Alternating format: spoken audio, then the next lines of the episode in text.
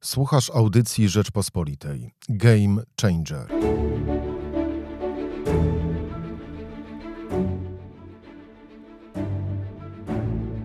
Jaka będzie odpowiedź Platformy Obywatelskiej na Polski Ład? Program, dzięki któremu PiS chce wygrać kolejne wybory. O tym i nie tylko o tym będę rozmawiał z Jarosławem Makowskim, szefem think tanku Platformy Obywatelskiej.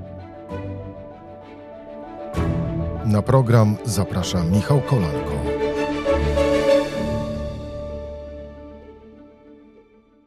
Dzień dobry, Michał Kolanko, podcast y, Game Changer. Państwa i moim gościem dzisiaj jest y, Jarosław Makowski, szef think tanku Platformy Obywatelskiej, czyli Instytutu Obywatelskiego, radny miasta y, Katowice, pisarz. Dzień dobry. Dzień dobry, Michale, dzień dobry Państwu. E, chciałbym zapytać na początek, czy zacząć od Polskiego Ładu. Pamiętam, jak e, w ubiegłym tygodniu rozmawiałem też w podcaście Game Changer z panią profesor e, Ewą Marciniak z Uniwersytetu Warszawskiego i ona na moje pytanie o Polski Ład odpowiedziała, że część Polski liczy, część Polski się cieszy. I wydaje mi się, że po tygodniu część Polski już przeliczyła, część Polski się być może zaczęła cieszyć, ale pytanie, jaki to jest, e, czy, czy, czy Polski Ład jest też e, wyzwaniem dla największej partii opozycyjnej e, i w sferze idei, czy, czy nie tylko w sferze polityki, bo o tym na pewno porozmawiamy, ale chodzi o samą sferę idei, czy tego, co proponują różne partie Polakom. Jak pan ten problem widzi? Ja bym dodał, Michale, jeszcze trzeci element. Y, część Polski zaczyna wątpić, a mianowicie, czy Polski Ład, im dłużej nad nim się zastanawiamy i im dłużej analizujemy to, co przedstawia, tym więcej rodzi się y, wątpliwości. Pierwsza jest wątpliwość natury politycznej. Proszę zobaczyć, że Polski Ład y, nie został przedstawiony jako projekt rządowy, ale jest projektem partyjnym. Po drugie, w ramach tego polskiego ładu pojawia się coraz więcej wątpliwości polegających na tym, że nie do końca wiadomo, e, co on de facto będzie zawierał dopóty, dopóki nie będziemy mieli projektów ustaw. Ja ostatnio podczas debaty nad systemem emerytalnym w Senacie Próbowałem naciągać ekonomistów z Instytutu Emerytalnego, żeby ocenili Polski Ład. Oni powiedzieli, że w żadnym stopniu nie, nie odważą się oceniać go, dopóty, dopóki nie będzie projektów ustaw. Więc w tym sensie mm, te wątpliwości, które się pojawiają, wiążą się z tym, że diabeł jak zawsze tkwi w szczegółach i będziemy mogli oceniać te propozycje tak naprawdę wtedy, kiedy na stole zostaną położone projekty e, ustaw.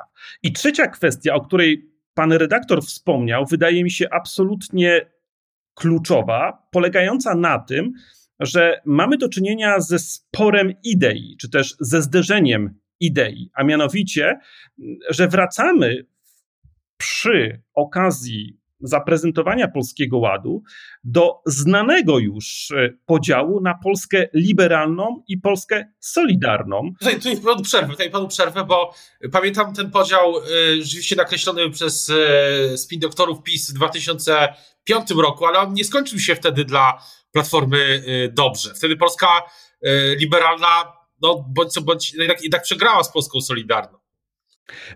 Tak, dlatego wydaje się, że powinniśmy wyciągnąć lekcję, a mianowicie, że solidarność jest absolutnie czymś, co jest bliskie Polakom i czymś, co wydaje się kluczowe po doświadczeniu pandemii. Mianowicie, w moim odczuciu, i polityka, i gospodarka, i całe społeczeństwa w pewnym sensie resetują się właśnie w obliczu pandemii i muszą na nowo przemyśleć sposób funkcjonowania, ale także budowania relacji.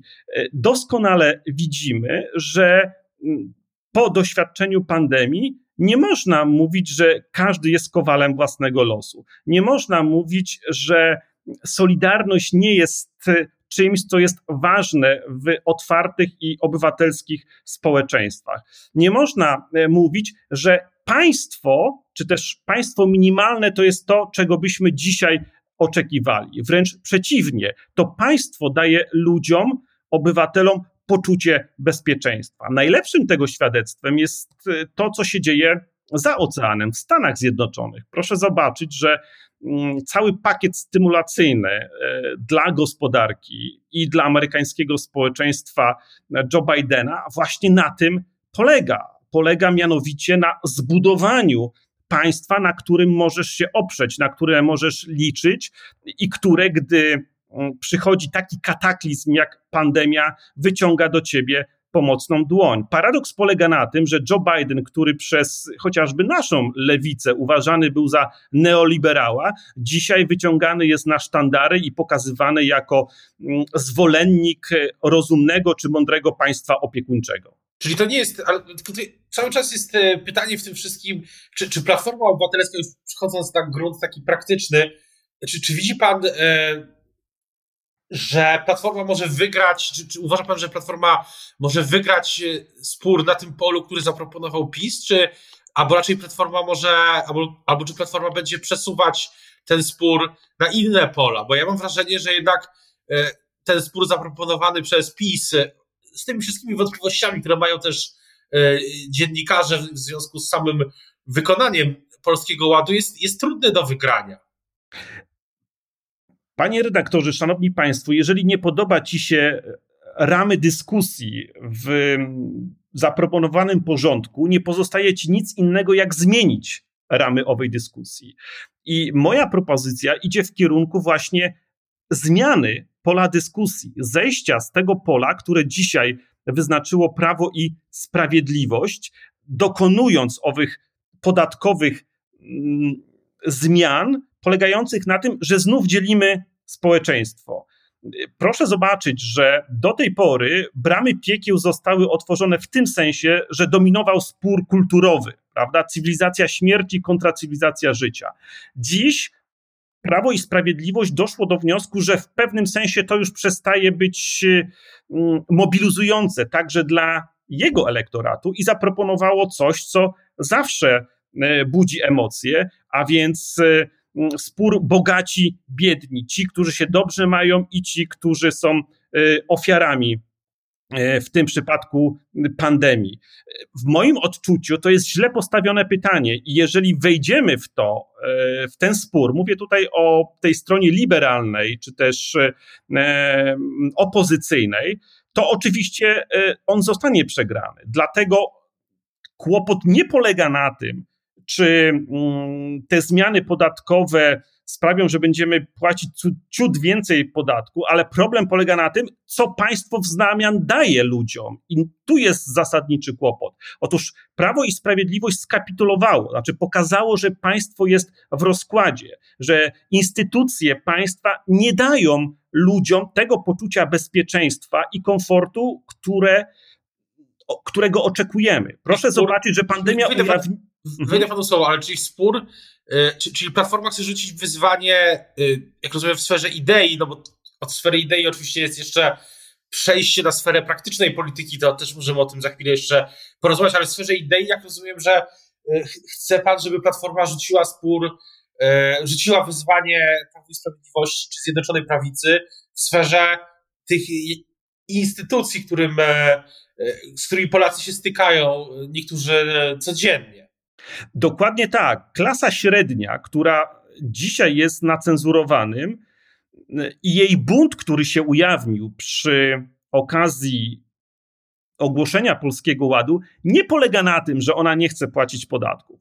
Klasa średnia się buntuje, E, dlatego, że płacąc podatki nie otrzymuje nic w zamian. Nie otrzymuje sprawnego i skutecznego państwa, nie otrzymuje sprawnych i skutecznych instytucji. Na tym polega zasadniczy kłopot. Rozumne państwo dobrobytu to jest przede wszystkim państwo sprawnych, mm, skutecznych, dobrze działających instytucji publicznych kultura dóbr wspólnych, na które się składa ochrona zdrowia, edukacja, samorząd, dzisiaj, e, po sześciu latach rządu Prawa i Sprawiedliwości, są w rozsypce, a więc zaproponowanie innego porządku i innej dyskusji to jest przywrócenie sprawności instytucji.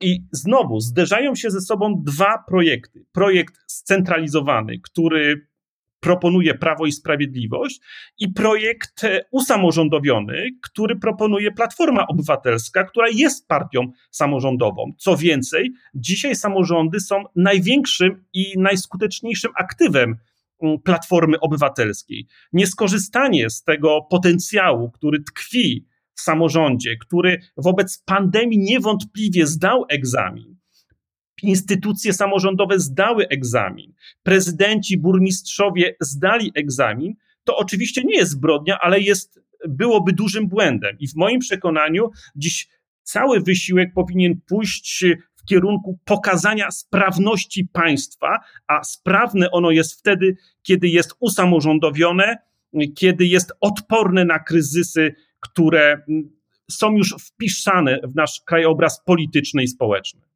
Ale przechodząc na grunt takiej praktycznej, praktycznego spojrzenia na politykę, to na pewno pan co widział w mediach społecznościowych, takie, taki zarzut, który jest kierowany część, część, często pod adresem e, Platformy Obywatelskiej czy Koalicji Obywatelskiej szerzej, ale nie tylko, że opozycja nie ma właśnie odpowiedzi na, że, że nie przedstawiła tego samego dnia czy tego samego tygodnia jakiejś szerokiej odpowiedzi na, na polski ład. I pytanie, czy jak pan takie zarzuty odpie, e, jak, pan, jak pan na takie zarzuty reaguje, bo to jest dosyć powszechne. I też nie od dziś, powiedzmy e, sobie szczerze, że e, jaka jest odpowiedź na ten, czy będzie na przykład, myślę, nasi słuchacze się zastanawiają teraz, taka publikacja, jaką przygotowało PiS, czyli te 132 strony, 130 stron, przepraszam, polskiego ładu, czy w formie takiej książki wręcz no, przyzwyczajenie jest drugą naturą człowieka i e, to mówienie, iż opozycja nie ma pomysłów, jest oczywiście mm, e, fałszywym przekonaniem. Przypomnę, że no, tylko Platforma e, przedstawiała ostatnio i receptę na kryzys, to są rozwiązania e, e, gospodarcze, i uzdrowienie Polski, to są rozwiązania dotyczące ochrony zdrowia, czy też politykę zagraniczną, no, która jak widać dzisiaj staje się jedną z głównych problemów, czy też deficytu rządu Prawa i Sprawiedliwości, patrząc po tym, mm, co dzieje się mm, w związku z wydarzeniami na e, Białorusi.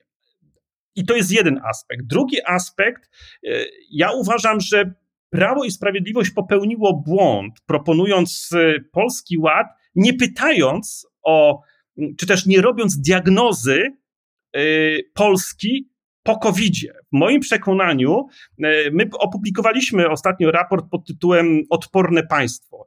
I jednym z kluczowych rekomendacji, która się znajduje w tym raporcie, to jest wyciągnięcie le le lekcji z kryzysów. I dzisiaj jesteśmy na etapie, i po to też służy objazd polityków Platformy mm, e, po Polsce, który się rozpoczął tydzień temu, rozpoczął go e, Borys Budka, żeby zdiagnozować te obszary, przede wszystkim e, na gruncie samorządowym, gdzie państwo nie dało rady, gdzie pojawiły się e, kłopoty. I dopiero na tej kanwie zostanie e, po wakacjach opublikowany, czy też odpowiedź na Polski Ład, którą ja roboczo nazywam wielkim społeczeństwem. I to będzie odpowiedź wiążąca się z zupełnie innym pomysłem na państwo. Z jednej strony Prawo i Sprawiedliwość chce państwa centralistycznego, e, niemalże zarządzanego przez jedną osobę, e, My proponujemy Polskę usamorządowioną, Polskę z silnymi regionami, Polskę z dystrybucją godności funduszy i instytucji właśnie do regionów, po to, żeby budować wielkie społeczeństwo. A wielkie społeczeństwo buduje się wtedy, kiedy obowiązują trzy rzeczy. Po pierwsze, zaufanie, które buduje się właśnie dużo łatwiej na tym poziomie mm, samorządowym. Po drugie, współpraca która jest y, szalenie istotna, jeżeli chcemy pracować na rzecz dobra wspólnego. I ja z własnego podwórka, doświadczenia wiem, że dużo łatwiej mi w samorządzie dogadywać się także z przedstawicielami Prawa i Sprawiedliwości, by realizować wspólne e, projekty, bo jesteśmy A z jednego miasta, e, B jesteśmy sąsiadami, C jesteśmy rozliczani bardzo konkretnie przez swoich wyborców. I, i ostatnia kwestia to jest, to jest zasada pomocniczości. To są elementy, które składają się w moim odczuciu na ten inny porządek niż to, co zostało zaprojektowane i przedstawione nam w Polskim Ładzie. Ale z drugiej strony też pytanie, czy w tym wielkim społeczeństwie będą silne instytucje, o których mówiliśmy wcześniej. Nie tylko te instytucje blisko ludzi, tak jak pan to wspomniał, te, y, jak rozumiem, y, związane z samorządem, ale też te centralne, na przykład, y, no nie wiem, myślę, że Państwowa Inspekcja Pracy albo Sanepid, albo wiele rzeczy, które no, w pandemii okazało się, że są nieadekwatne do współczesnych wyzwań, bo ja jestem przekonany, że nawet jeśli jesienią ta czwarta fala będzie y, nie, nie, niezbyt wielka, miejmy nadzieję, że będzie niewielka, albo że nie będzie jej wcale, bo do tego czasu wszyscy, wszyscy Polacy się mm, zaszczepią, to będą następne kryzysy. Być może już y, latem będziemy mieli kłopoty dotyczące, jeśli chodzi o suszę, energię w, w czasie takiego dużego zapotrzebowania właśnie latem i, i wiele, innych, wiele innych rzeczy, więc kolejne kryzysy nadchodzą, a bez sprawnego zarządzania nimi e, też no, jednak na poziomie centralnym e, ich przetrwanie e, no, stoi pod pewnym znakiem zapytania. Dwie rzeczy, panie redaktorze. Jedna kluczowa, która się pojawiła nawet w języku, którego pan redaktor używa, mianowicie mówiąc o silnych instytucjach. Nie, instytucje mają być skuteczne, nie silne. Silne instytucje to są instytucje rozumiane wedle kategorii PiSu. To są przede wszystkim służby, policja i tak dalej. E, tutaj PiS upatruje swojej siły, mówiąc o silnym państwie. Ja w skutecznych instytucjach upatruję właśnie e, chociażby mm, w Państwowej Inspekcji Pracy, chociażby e, w urzędach skarbowych, chociażby w Państwowej Straży Pożarnej. To są instytucje, które powinny być nie silne, ale skuteczne, czyli rozwiązywać bardzo konkretne wyzwania, przed e, którymi stajemy w czasie e, kryzysów. I problem polega na tym, i to jest drugi aspekt, że państwo scentralizowane, zaproponowane przez Prawo i Sprawiedliwość, nie chciało kooperować z samorządami. I tu był w moim odczuciu zasadniczy kłopot, że rząd po prostu nie ufa samorządom. I to było widać na kilku poziomach, czy też y, polach. Przypomnijmy sobie, jak samorządy mówiły rok temu, że we wrześniu posyłanie dzieci do szkoły to jest zły pomysł. Wtedy rząd powiedział nie, będziemy posyłać, to jest nasza decyzja, koniec, kropka. Samorządy mają tylko wykonać e, swoją, e, swoje zadania. I co się okazało? Samorządy miały rację. Zaraz e, potem przyszła trzecia fala pandemii. Jeżeli idzie o szczepienia, samorządy, Wałbrzych jest tutaj najlepszym przykładem, ale także przecież Warszawa, mogły rządowi pomóc w szybszym szczepieniu, ale rząd y, uznał, że, że nie, że będzie reglamentował, że będzie wyznaczał, gdzie można, gdzie nie. W moim odczuciu to jest zasadniczy kłopot, że rząd nie ufa samorządom. Zobaczmy przecież Krajowy Plan Odbudowy. Można było usiąść do stołu i absolutnie wynegocjować takie warunki i takie sposoby monitorowania przepływania funduszy, żeby był wilk syty i owca cała. Ale rząd nie postanowił zrobić to na własną modłę. Problem polega na tym, że de facto mamy w Polsce mm, e, dwie zasadnicze struktury. Centralną, która nie ufa samorządom, i samorządy, które chciałyby współpracować z organami centralnymi, ale po drugiej stronie nie ma partnera. Nie chce, rząd centralny w wydaniu pisowskim nie chce współpracować z samorządami. I dlatego mamy tak wiele kłopotów i czasami państwowe instytucje po prostu się najzwyczajniej w świecie ośmieszają i nie budują zaufania obywateli do siebie, a to jest fatalne. Ale wracając do tych instytucji, bo to yy, mówi Pan o tej skuteczności czy, czy sile.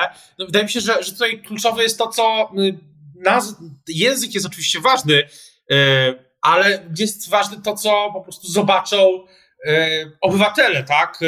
Niezależnie od tego, czy z klasy średniej, wyższej, czy słabiej zarabiających gorzej, lepiej, no kluczowe jest to, co zobaczą obywatele i na przykład y, stąd ta stąd ta debata, no bo stąd też moje pytanie, bo tak jak sam pan zauważył, to pole, które zdefiniował PiS w, w Polskim Ładzie, to pole podatkowe, ono jest tak skonstruowane, że no łatwo popaść tutaj dla opozycji, wydaje mi się, to jest wyzwanie dla całej opozycji, ale nie tylko dla Platformy, no w takie, w ten spór, który łatwo który PiS łatwo może prze, przekształcić w taki spór, który trudno wygrać. Stąd, stąd, ta, stąd ta moje pytanie o inne pola i te instytucje. Więc kluczowe jest to, co, to, co zobaczy e, obywatel, gdy pójdzie do szpitala, czy jeśli trafi do szpitala, albo e, no nie wiem, albo pośle dzieci do szkoły, a z tym przez ostatni rok e, tutaj wrażenia są różne, tak mówiąc eufemistycznie.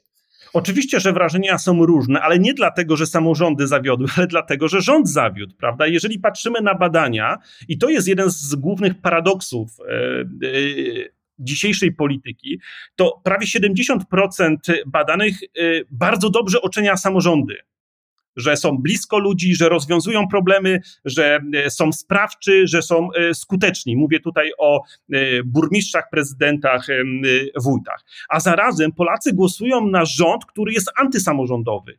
I, i zmiana tego pola, o którym mówimy, debaty, to jest przeniesienie go na ten właśnie grunt samorządowy i pokazujący, że tak naprawdę to samorządy dziś modernizują Polskę, nie, nie rząd Prawa i Sprawiedliwości. Rząd Prawa i Sprawiedliwości modernizuje Polskę tak, jak to ma do czynienia, mamy do czynienia w Bełchatowie, kiedy wysiadają y, bloki. Jak mamy do czynienia w Turowie, kiedy y, TSUE przez zaniedbania polskiego rządu wydaje niekorzystny dla nas y, wyrok. Natomiast jeżeli zejdziemy na poziom samorządowy, to absolutnie widzimy, że te instytucje blisko ludzi, one się sprawdzają. One nie przestały działać w czasie COVID-u. Wszystkie miasta organizowały pakiety, czy to pakiet dla przedsiębiorców, pakiet dla kultury, mm, e, pakiet dla NGO-sów.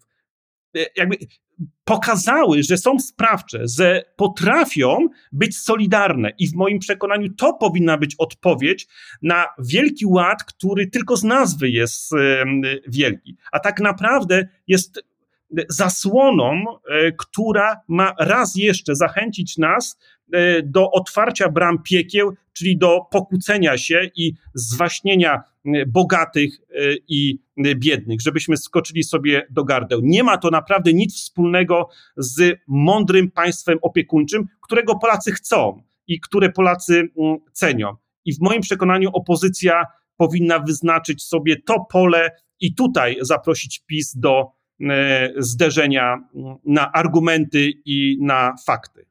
Czyli podsumowując e, teraz objazd e, kraju przez przewodniczącego Platformy i też oczywiście przez, jak rozumiem, innych polityków, a jesienią i ta deklaracja ideowa i ten pomysł, który pan roboczo nazwał wielkim społeczeństwem już w takiej formie no, konkretnej, konkretnej rzeczy, nazwijmy to, propozycji tak, konkretnego dokumentu, który będzie odpowiedzią, ale przede wszystkim nie, nie tyle odpowiedzią, ale propozycją na zupełnie inne ułożenie i pomyślenie e, i państwa, i gospodarki, i oczywiście społeczeństwa.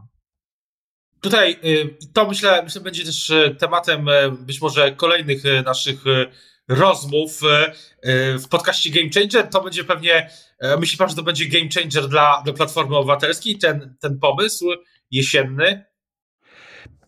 Oczywiście chciałbym, żeby tak było, e, bo uważam, że to jest e, i dobre, i sensowne e, rozwiązanie, a przede wszystkim wykorzystanie tego, co dziś platforma ma najcenniejszego i najskuteczniejszego, a więc setki samorządowców różnych szczebli, od miejskich poprzez regionalne.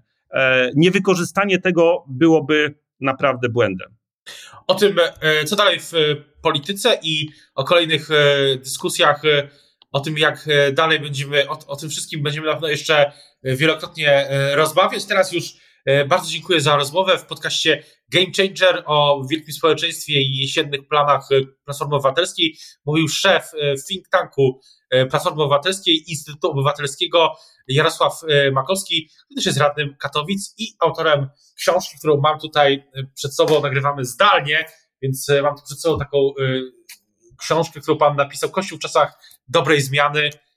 Najnowsza publikacja, która dotyczy trochę innej sfery niż teraz, niż, ta, niż ta, o której rozmawialiśmy, czyli właśnie relacji państwo-kościół. Dziękuję bardzo. Dziękuję panie redaktorze. Dobrego dnia. Słuchaj więcej na stronie podcasty.rp.pl. Szukaj Rzeczpospolita Audycje w serwisach streamingowych.